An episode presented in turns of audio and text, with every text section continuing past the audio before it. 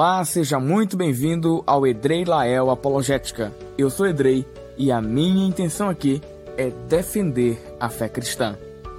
No dia 1 de março, tive a honra de participar de uma reunião virtual privada com um grupo de estudos bíblicos composto por algumas irmãs em Cristo que têm se interessado no estudo autodidata de teologia e apologética cristã.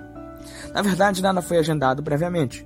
Eu recebi o convite para discutir o fato de haver ou não consciência após a morte por uma delas. Foi então que, durante a noite, tivemos esse bate-papo muito proveitoso sobre alma, consciência e imortalidade. Meu objetivo foi mostrar que, se há uma mente material consciente que existe para além do próprio corpo, então está justificada a crença de que quando esse corpo se desfizer por causa da morte natural, a consciência, mesmo assim, será preservada.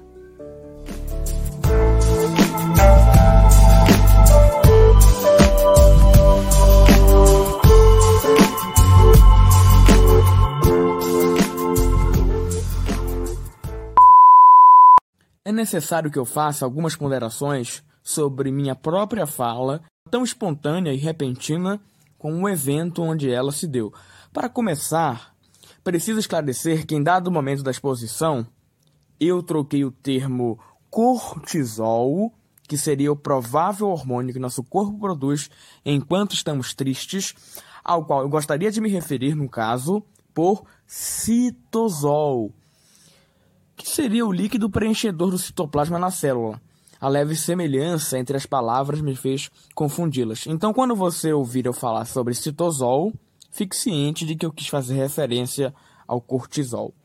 Agora, para que as informações fiquem completas, também gostaria de pontuar que o neurocientista que teve uma experiência de morte e permaneceu consciente, escrevendo um livro sobre isso, a quem eu também faço menção, é de fato o neurocirurgião Alexander Eber, que relatou como deixou de ser um cético na existência da alma para ser um defensor disso em seu livro Uma Prova do Céu A Jornada de um Neurocirurgião à Vida Após a Morte. Já falando agora sobre o fato de existirem neurocientistas que são dualistas interacionistas, John Eccles seria um deles. John Eccles, inclusive, ganhou o Prêmio Nobel de Medicina por ter esclarecido com sucesso os processos de sinapses que ocorrem no sistema nervoso. Eu também dei um exemplo para explicar a relação mente-cérebro baseado na relação piano-pianista.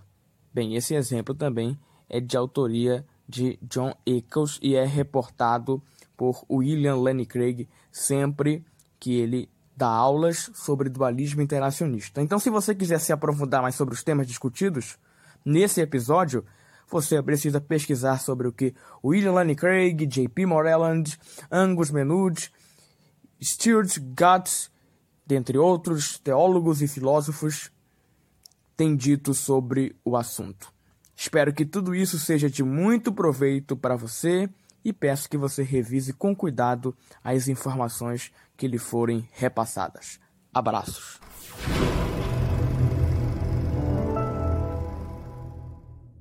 Então, isso que eu quero que tu me explique, se verdadeiramente a alma continua consciente após a morte.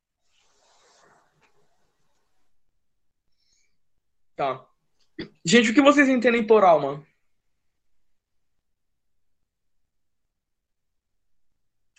Uma coisa é imaterial? É um bom conceito. Mas existem várias coisas imateriais, por exemplo, um objeto abstrato como um número também é imaterial. Então, isso é. não seria isso não seria o suficiente para definir o que é alma. Mas um, mas a alma, que nem aqui diz, tem consciência. O número não tem consciência. Tem consciência, é verdade. Muito bem. Legal. É imaterial e tem consciência. É uma boa definição de alma. Vocês têm mais alguma ideia, gente? Podem falar. Então, nosso corpo, nós somos formados por corpo, alma e espírito, né? A alma é aquela que tem as emoções, que toma decisões. É isso? Tá certo também. Tá certo. Então, é algo imaterial, é o centro dos nossos sentimentos, né? Algo que também tem consciência, como a Amy falou. Basicamente, é o que nós pensamos mesmo. Legal. Irmã Mica.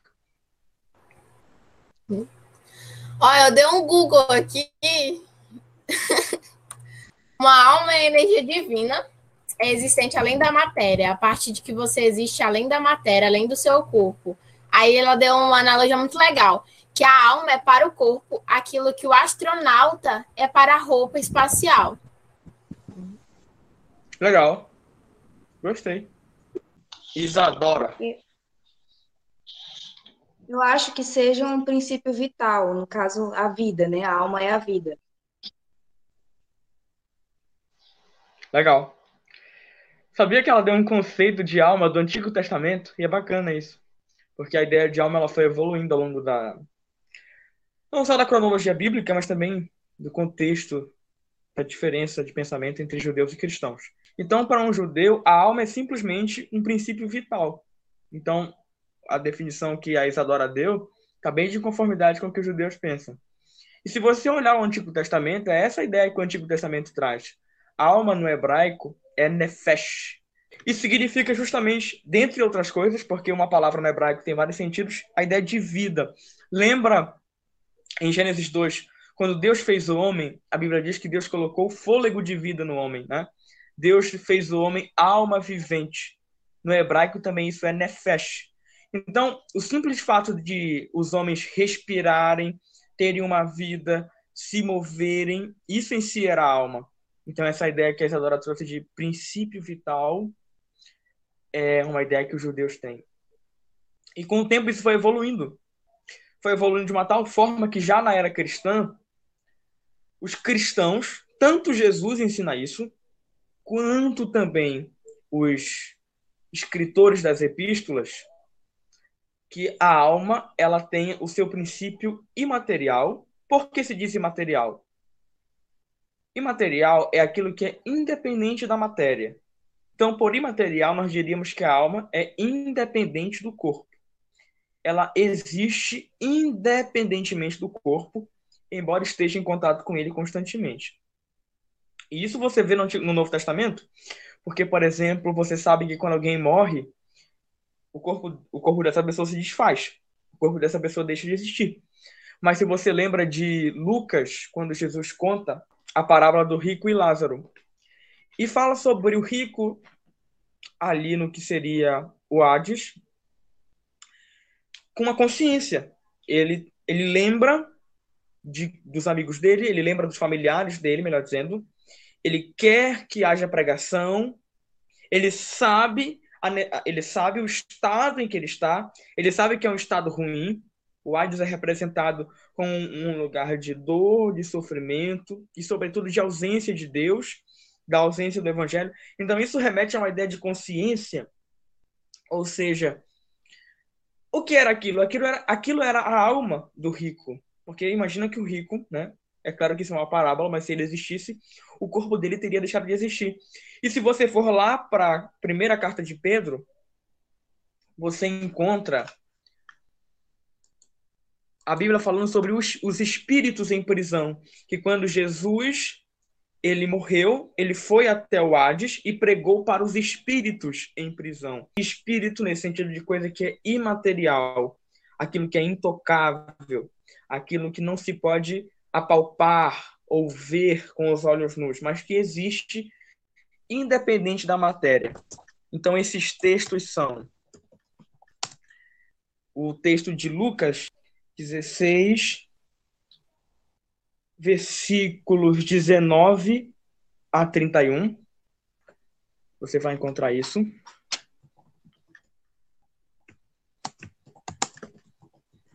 Eu estou fazendo essa, eu tô fazendo essa digressão, essa recapitulação teológica para poder entrar na parte filosófica, que é a parte do argumento em que eu vou argumentar em favor da alma e argumentando em favor da alma, eu vou mostrar por que, que a alma ela consegue ser independente do corpo e, portanto, quando o corpo se desfaz, ela, ela continua sendo consciente.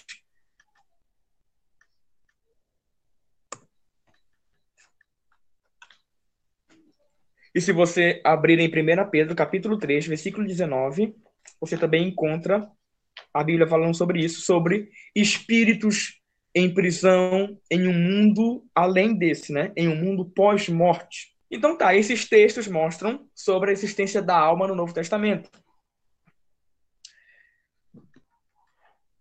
E agora entra a questão. Oi?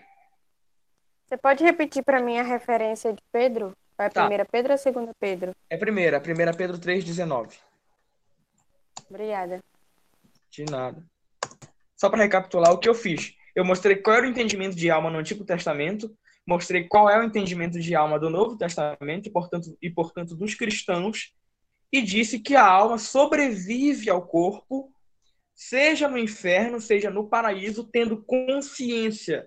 É só lembrar do rico e Lázaro e de 1 Pedro 3, do 19 ao 21, quando diz que Cristo foi até aqueles que estavam presos, os espíritos que estavam presos, e pregou para eles, tá? É 1 Pedro 3,19. E aí você tem essa, essa definição de alma no Novo Testamento. Então, o que é alma no Novo Testamento? É algo imaterial, consciente, que sobrevive à morte. E a Emily perguntou isso num contexto apologético. O que é apologética? Apologética é simplesmente a defesa da fé.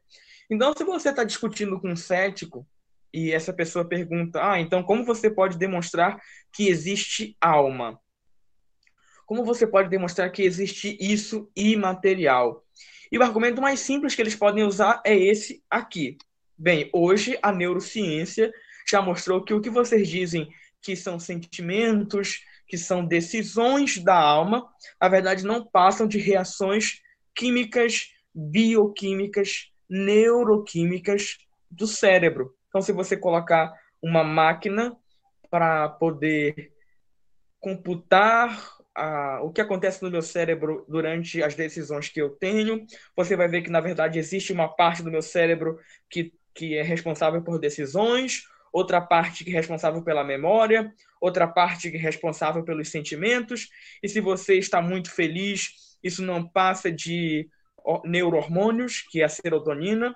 Se você está triste, isso também é um neurohormônio, provavelmente é o citosol. E assim eles começam uma discussão. Quem gosta de saúde, essa é, bioquímica, neuroquímica sabe disso. Mas tem que saber um pouquinho só para embasar. Então eles, eles vão dizer isso, que o que a gente chama de alma nada é mais do que o nosso corpo. Nada é mais do que aquilo que nós temos aqui, que é o nosso cérebro. Então, eles seriam os materialistas, ok? Você vai ouvir essa expressão sempre. Ateus materialistas, céticos materialistas, são aqueles que acham que tudo que existe é a matéria, e, por óbvio, eles não acreditam que exista algo que seja imaterial, eles acham que não existe algo que seja a alma, ok? Então, eles dizem bem o que você diz que é transcendente em você, ou até mesmo Deus, que seria, por, por definição própria, uma alma. Deus é uma alma imaterial. Isso não existe, porque tudo que eu consigo ver, tudo que eu consigo detectar é aquilo que eu estou vendo, que eu estou sentindo, que é que é possível de detectar através do método científico e a alma não está em lugar nenhum. Quando eu coloco ela é, para ser estudada, eu não consigo computá-la. A alma não pode ser colocada em um laboratório, eu não consigo chegar à conclusão de que uma alma existe. Bem, é claro que cada cético, cada pessoa vai ter sua particularidade para argumentar contra a alma. Então, o que eles vão dizer por óbvio é que quando você morre, já que tudo que você é é a matéria, tudo que você é esse corpo, tudo que você é é esse cérebro e é o seu cérebro que decide tudo por você, que sente tudo por você. Quando você morre, você também não vai para lugar nenhum, você não sabe de nada, você não tem consciência alguma, porque a alma não existe. E eles estão certos em dizer que se a alma não existe, então nós não temos consciência depois da morte. Você morre e fica sem consciência. Acontece que é possível demonstrar que eles estão falsos, tá bom? Primeiro, para começar, eles têm um preconceito naturalista. Qual é o preconceito naturalista ou preconceito materialista? Eles já têm a visão de que Deus não existe, que não existe sobrenatural, e por isso, então, não vai existir nada que seja além da matéria, como a alma. A alma que seria além do corpo também não vai existir.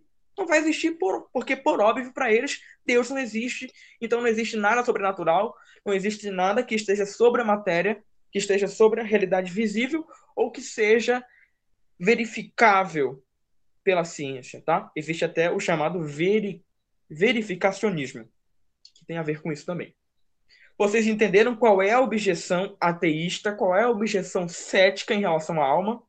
Eu consegui argumentar bem como um ateu? Quantos pontos você me daria como ateu? Três. Então, Não, eu daria oito. Obrigado. Obrigado. Por quê? Porque, de fato, parece que tem uma robustez nesse argumento. O argumento é que a alma não existe porque a ciência já demonstrou, a neurociência demonstrou que tudo que existe é o cérebro e assim por diante. Tá, e como nós vamos fazer para mostrar que isso é falso? Bem, vamos partir aqui da colocação da Emily. A Emily perguntou como demonstrar que a alma sobrevive ao corpo, melhor dizendo, como a alma pode ter consciência depois da morte em que não existe mais o corpo, tá? Porque o que é a morte? É a morte natural. É quando não existe mais o corpo. É quando o corpo se desfez. Bem, vamos fazer assim. Para mostrar, vejam bem o que eu vou falar. Para mostrar que a alma pode ter sim consciência depois da morte, mesmo não existindo mais o corpo, eu preciso mostrar que o corpo e a alma existem independentemente. Veja bem, em que sentido?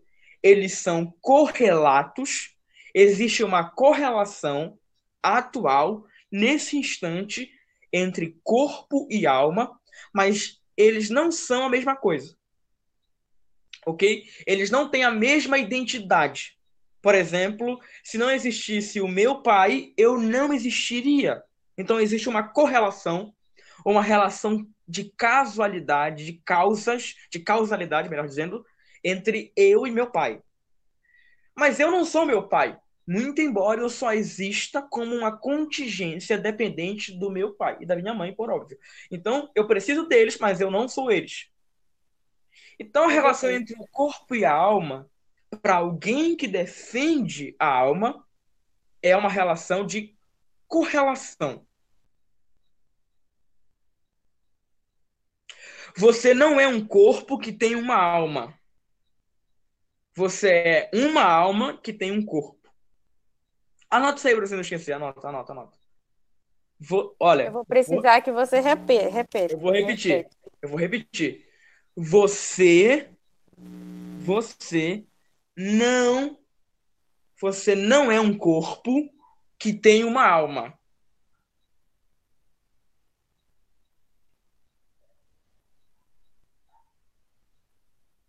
Hum, parte B.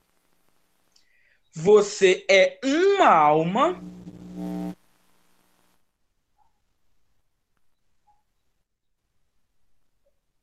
que tem um corpo.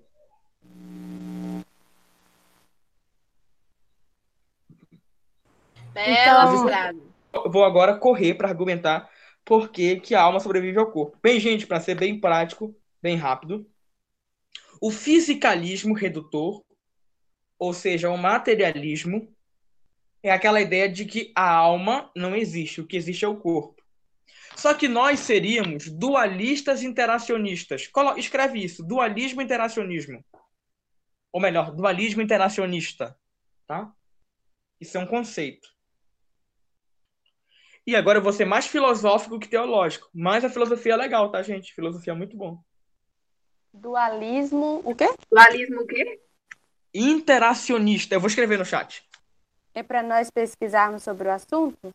Também, digo sim. Inclusive, vou mandar uns links para vocês. Vou mandar quatro links para vocês, para vocês estudarem sobre isso, tá? Dualismo Gente, interacionista. Sim. O dualismo interacionista é justamente essa ideia de que a alma usa o corpo para se relacionar com o meio externo.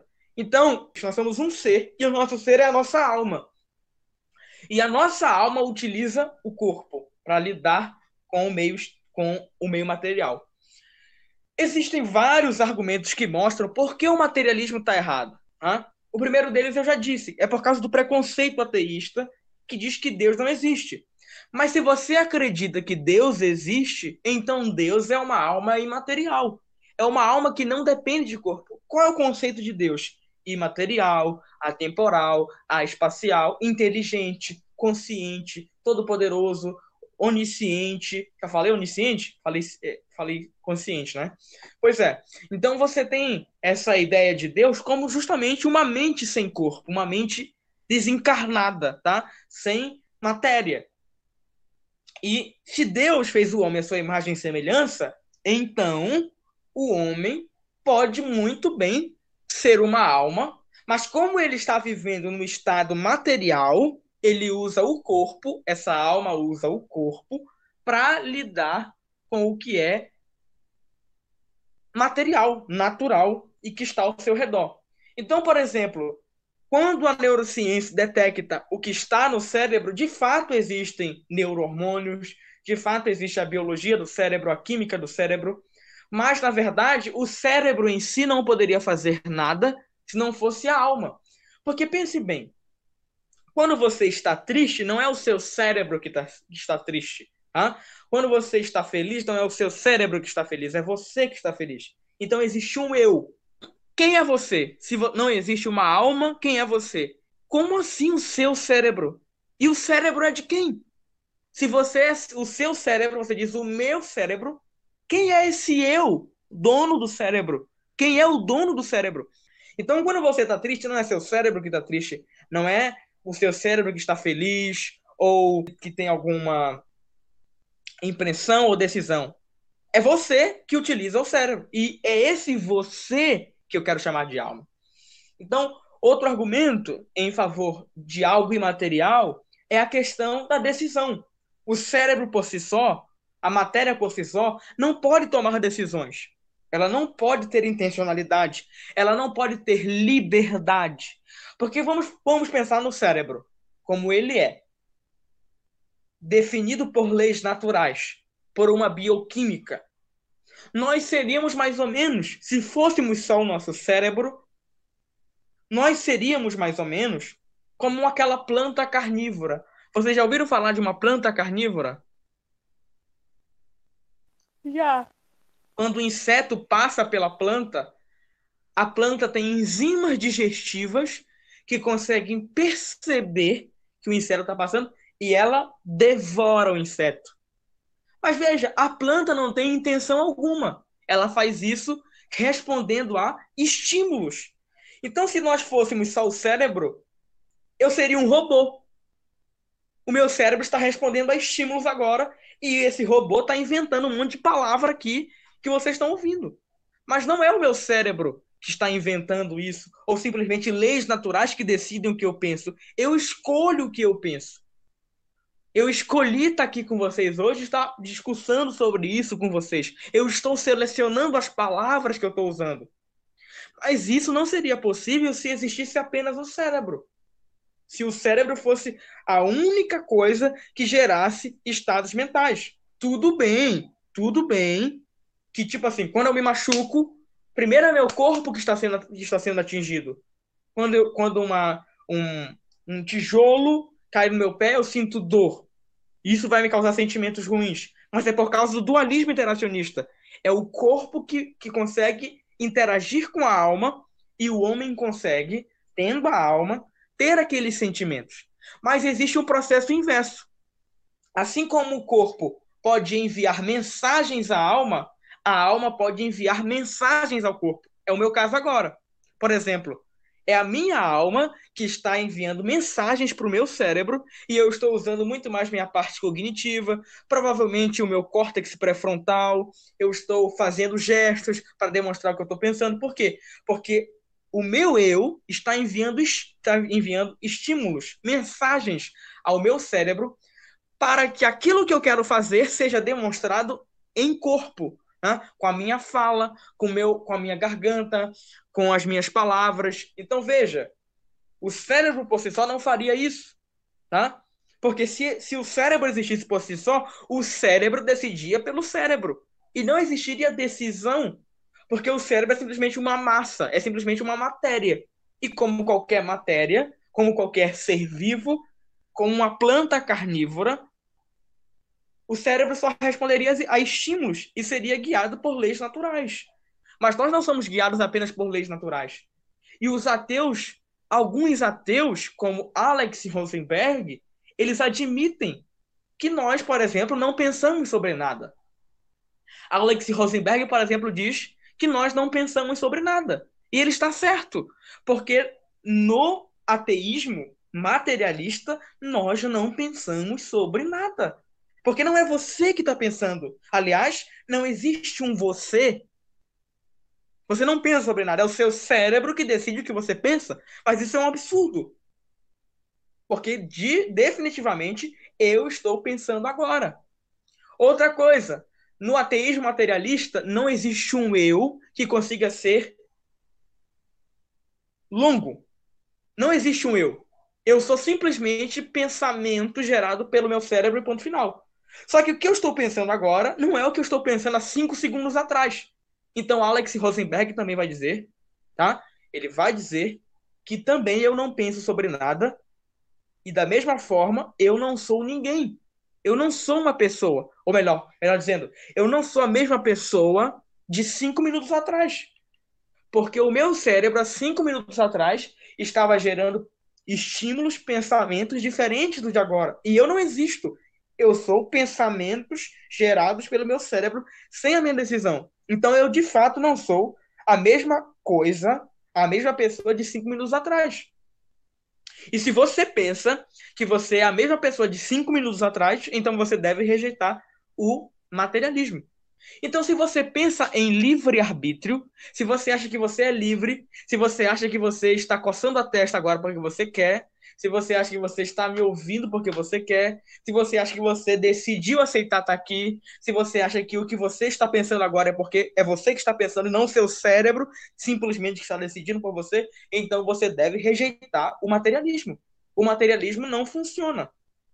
Então, nós podemos chegar à ideia de que a alma, embora ela se relacione com o corpo, ela esteja ligada com o corpo, ela consegue ser autônoma ao corpo. É só quando ela quer lidar com aquilo que é material que ela entra em contato com o corpo. Ou seja, quando esse corpo morrer, quando esse corpo se desfazer, não há problema nenhum em essa alma continuar consciente. E falando sobre neurociência, eu vou enviar para vocês alguns artigos que mostram neurocientistas que por causa desses problemas que eu citei sobre o cérebro não poder decidir tudo sobre você, tudo para você, eles acreditam que existe uma alma imaterial além do cérebro. E dentre eles, até ganhadores de prêmio Nobel. Tudo bem? São neurocientistas que realmente são os caras, tá? Inclusive, teve um neurocientista que teve uma experiência de morte em que a sua alma se continuou consciente, muito embora o seu cérebro não funcionasse. Ele é neurocientista, gente, ele entende. Ele disse que ele teve uma parada cerebral. O cérebro dele parou e ele continuou consciente. Quando ele voltou à vida, ele relatou isso num livro e ele se tornou cristão por causa disso. Ele, ele não acreditava na alma como neurocientista, mas depois que ele teve uma parada no cérebro, seu cérebro não funcionava mais, ele continuou consciente e ele passou a acreditar na alma. Então, também, um outro argumento que valida a existência da alma, independente do cérebro, e que se o cérebro se desfazer e que se o corpo se desfazer, vai continuar consciente, é esse argumento das experiências que as pessoas têm de morte ou de quase morte, em que o cérebro para, mas eles continuam a ter consciência. Vocês entenderam o que eu falei? Sim, é só, só um ponto. No caso, se a alma ela interage com o corpo, é como se ela fosse independente, mas dependente do corpo para ter essa relação, a relação da dependência com o corpo, para transmitir ou para interagir com, com as coisas materiais, mas não dependente para viver e sobreviver? Isso, muito bem. A ideia é assim. Inclusive, é um neurocientista ganhador de prêmio Nobel que diz isso. O dualista interacionista acredita que corpo e alma é como o piano e o pianista. O piano existe sem o pianista? Existe. E o pianista existe sem o piano. Mas para que a música soe, o pianista entra em contato com o piano. Se o pianista perder as mãos, não vai haver mais música. E se o piano quebrar as teclas, embora o pianista continue existindo, não vai haver música. Então, por exemplo, alguém que leva uma tijolada na cabeça e danifica o cérebro, ele provavelmente não vai pensar como alguém normal. E alguém vai dizer, mas não era a alma que decidiu o pensamento? É a alma. Mas se uma das partes da relação não está funcionando bem, então vai prejudicar a relação de interação, como um piano que tem a tecla quebrada ou um pianista que está sem as mãos, tá? Mas o piano e o pianista são independentes em identidade, em existência, mas eles, eles são correlatos na produção da música que se ouve do piano. Vocês entendem a analogia? Ela consegue soar bem. Então, toda vez que um ateu argumentar contra a alma, ele não deve mostrar a neurociência, o cérebro, o corpo. Todo mundo sabe que os pensamentos eles precisam do cérebro, que os sentimentos precisam do cérebro aqui e agora na materialidade. Mas isso é como a relação entre piano e pianista. Ele tem que mostrar que é impossível que exista uma alma, que é improvável que exista uma alma. E por incrível que pareça, eles não conseguiram demonstrar isso. É por isso que tirando lá a nossa dúvida, que quando nós estivermos na eternidade, lá no céu, nós não vamos ter essa matéria, né? Esse corpo, essa massa, esse cérebro, mas nós teremos a consciência do que vivíamos aqui na Terra. Por quê? Para nós aqui sentimos. O... Se eu não lembrar do que aconteceu, não vai ter como eu desfrutar do hoje, né? Porque tudo seria novo, tudo se, se criaria. Exato. Então, então, a alma me dá essa consciência de vida, independente da forma com que eu me relaciono, independente dessa matéria. Foi muito bem explicado, eu consegui entender. Gente, isso é um argumento em favor da alma. Ela disse, ouçam o que ela disse. Se vocês não entenderam, eu vou repetir. Ela disse que se não existisse uma alma que tinha consciência, quando a pessoa ressuscita e ganha uma nova forma na vida eterna, ela tinha que ser criada de novo. Só que nós não, nós não vamos ser uma pessoa diferente da que nós somos agora. Então, para que haja uma ressurreição, meu Deus, a câmera não está me pegando. Para que haja uma vida eterna, uma vida post-mortem, é preciso que uma alma guarde a consciência do que aconteceu antes da morte. Senão vai ser uma nova pessoa. E ela está muito ligada a filosofia, porque o conceito de pessoa está dependente de consciência. E se a consciência não existe, então é uma nova pessoa. Só que no céu nós não vamos ser uma nova pessoa. Então, para que haja uma ressurreição e para que Deus crie Melhor, para que Deus ressuscite alguém, ele precisa manter a alma dessa pessoa com a consciência intacta, para que quando ela ressuscitar, ela seja a mesma pessoa que tinha antes um corpo corruptível. E o Rodrigo Silva porque... foi derrubado pela irmã Drica, porque ele acha que a alma é contra a ressurreição. Ele diz: ou a alma sobrevive ou o corpo ressuscita. E a irmã Drica disse: não, Ramandrica disse que, na verdade, só há uma ressurreição da mesma pessoa que existia antes, porque a alma preservou a consciência. Eu fiquei realmente muito empolgado com essa ideia, porque é, é teológica e filosófica. Muito bem. Não, essa foi a parte que eu entendi muito bem, entendeu? Porque quando você deu a ideia lá do neurocientista, eu acho que foi o neurocientista, né? Que ele. Deixa eu ver aqui. Isso. Que ele o cérebro dele parou, mas mesmo assim ele tinha consciência. E quando o cérebro retornou para que a consciência tivesse, como é que eu posso dizer, para a alma transmitir para as pessoas o que foi que ela estava, um, no sentido que ela estava consciente, ali que ela estava vivendo, foi através do cérebro quando ele retornou. Aí foi para dar essa mensagem, né, para os demais. Então, eu peguei muito bem essa parte de alma, dela ser, dela ser Vocês independente entenderam? do corpo.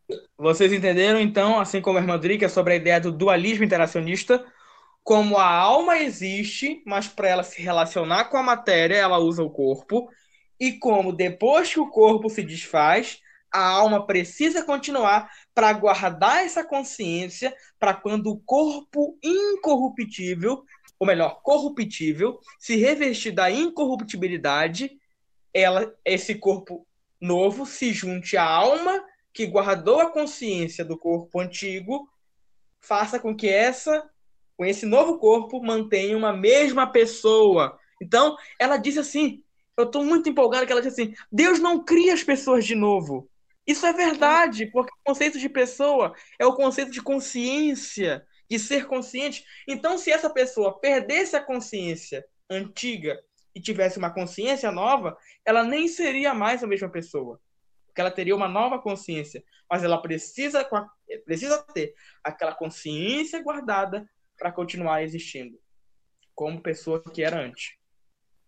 Então, ela fechou aqui o argumento. Você tem um argumento filosófico teológico, bíblico. Muito obrigada. Isso é apologética, viu, gente? É por isso que eu sou apaixonado por isso. Sou apaixonado por isso, porque você tem. É impossível você não ter dúvidas, não ter questões sobre a fé. Todos nós temos. Então, a apologética vai atrás. A apologética vai e te mostra que, na verdade, essa questão é diferente, que você estava pensando errado, ou que você está pensando certo, mas a resposta é outra, e assim por diante. É por isso que eu amo apologética. E convido todos vocês a se tornarem um apologista, tá bom? Se defenderem Aos a fé de poucos, vocês. a gente está aí aprendendo. Eu comecei. Culpa essa sua, eu tô fritando meu cérebro hoje. Tá fritando a sua alma. O meu cérebro. É, Adorei. é, culpa sua. Agora, Andrei, vamos aqui. Vem aqui no meu raciocínio. É, a Bíblia até- declara. Vou até ligar outra que- câmera pra tu me ver mais de perto. Sim, senhor, senhor. Que o único que possui imortalidade é Deus, correto? Sendo assim, é, a crença na imortalidade da alma pode ser considerada uma usurpação à divindade de Deus? Não. Porque Deus criou o homem à sua imagem e semelhança. E como Deus é eterno, Deus dá ao homem o direito de participar da vida eterna. Então, se Deus é imortal, ele permite também que o homem seja imortal, mas não que o homem seja eterno. O homem é participante da eternidade. Porque eterno é o que não tem começo nem fim. O homem tem começo, mas ele não tem fim. E por que, que isso não é usurpação? Porque o homem não chegou e disse, Deus, agora eu vou participar da eternidade junto contigo, sai daí. Não, foi Deus que criou o homem, a sua imagem e semelhança, e disse, eu vou te dar o direito de participar da eternidade. É por isso que mesmo quando o homem peca, ele não deixa de ser eterno. Acontece que agora ele se torna eternamente perdido. Acontece que agora ele vai participar da morte eterna. Mas Cristo veio, venceu a morte e nos deu novamente o direito a participar da vida eterna.